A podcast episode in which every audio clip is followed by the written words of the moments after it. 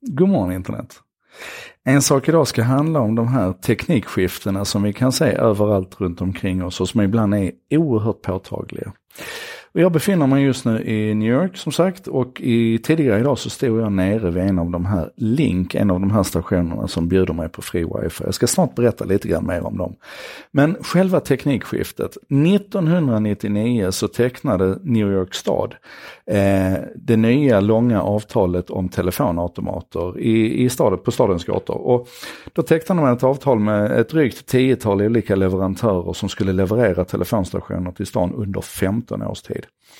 Det betyder alltså att 2014 så var det dags att ompröva. Vad ska vi göra med de här 13 000 telefonautomaterna? Ska vi skriva ett nytt avtal eller ska vi göra någonting helt annat? Och det var ju ganska lätt att se med ett, ett, ett samhälle som vid det laget var helt mobilifierat, där alla hade en mobiltelefon i stort sett. Att telefonautomater är kanske inte det rätta. Och då kunde man antingen lägga ner det eller så kunde man göra något helt annat. Och vi ska nog skicka en tacksamhetens tanke till borgmästare de Blasio som i, i god tid inför 2014, alltså inför omskrivandet av det här avtalet, bestämde sig för att göra något radikalt annorlunda med det här. Och, och då, då föll valet på internetuppkoppling, inte bara wifi utan rent allmänt att, att byta ut telefonstationen mot en ny slags kommunikationshubb kan vi väl kalla den. Och det är alltså då en hubb där du kan, du kan eh, ringa till alla USAs stater utan det kostar någonting. Du kan koppla in en USB-enhet och ladda den. Du kan till och med på en liten skärm som sitter där, en liten Android-platta, så kan du eh, komma åt kartor och turistinformation och sådär. Och fram till 2016 tror jag det var, så kunde man surfa på hela internet där också. Eh, naturligtvis med filter och begränsningar som alltid. Men lik förbaskat du kunde surfa fritt och då tyckte man att det missbrukades lite grann. Så just den biten har man stängt ner. Men den stora grejen här det är att det är tillgång till fritt wifi. Och förvisso, du måste lämna din mailadress, vilket jag tycker är helt onödig tröskel egentligen. Men det är inte vilket wifi som helst. Det är alltså, vi pratar gigabit wifi här. Det finns inga tidsbegränsningar och i stort sett i praktiken då inga hastighetsbegränsningar. Målet är att det ska bli 7500 sådana här stationer. I dagsläget har man runt 1800 utplacerade där du alltså kan ställa dig med din iPhone, din Android, din, din, eh, din laptop, din dator, vad du vill och koppla upp dig till det här nätet och köra. Jag mätte idag på ett par ställen, jag, i snitt så låg jag runt 300 megabit per sekund upp och ner. Och det är ju helt makalöst bra.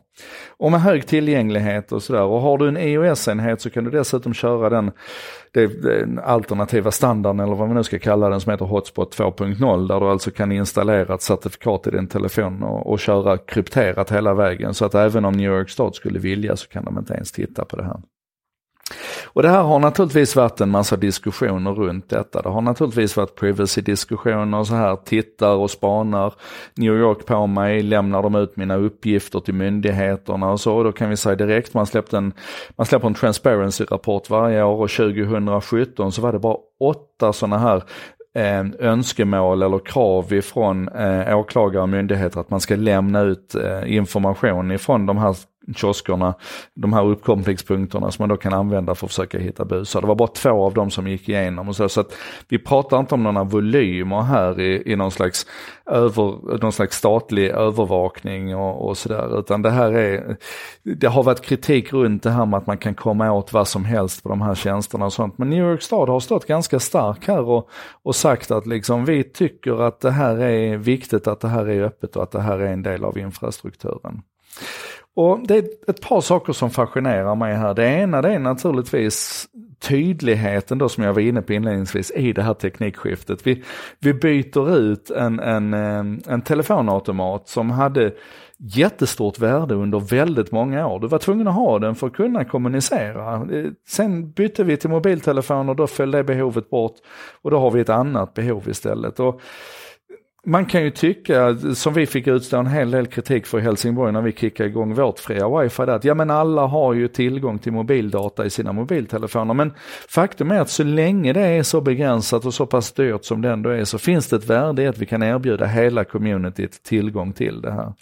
Det finns ett värde för oss som turister som kommer hit att vi får tillgång till det. Det finns ett värde för, faktiskt för näringsidkare som kan använda det här för att skicka upp massiva mängder data. Alltså, jag kan ju säga, jag sitter ju på ett, ett, bra hotell nu, men jag har inte närheten av den kapaciteten här som jag har om jag går ner och ställer mig vid en link. Och då är det ju klart att det kan finnas tillfällen där det är attraktivt att gå ner och göra det. Jag tycker att det här är, det är det är häftigt ur så många plan för att det skickar så tydliga signaler. Den allra tydligaste signalen är det som jag tycker att vi alla behöver fundera på runt det här. Det är om det inte faktiskt är så att det här ska vara en del av det statliga åtagandet, av en del av den servicen som myndigheter levererar till oss, att vi faktiskt har tillgång till internet. I New Yorks fall här så har man löst det med annonsfinansiering. Där sitter två stycken stora skärmar på varje sida om den här linken där man kan då visa reklam.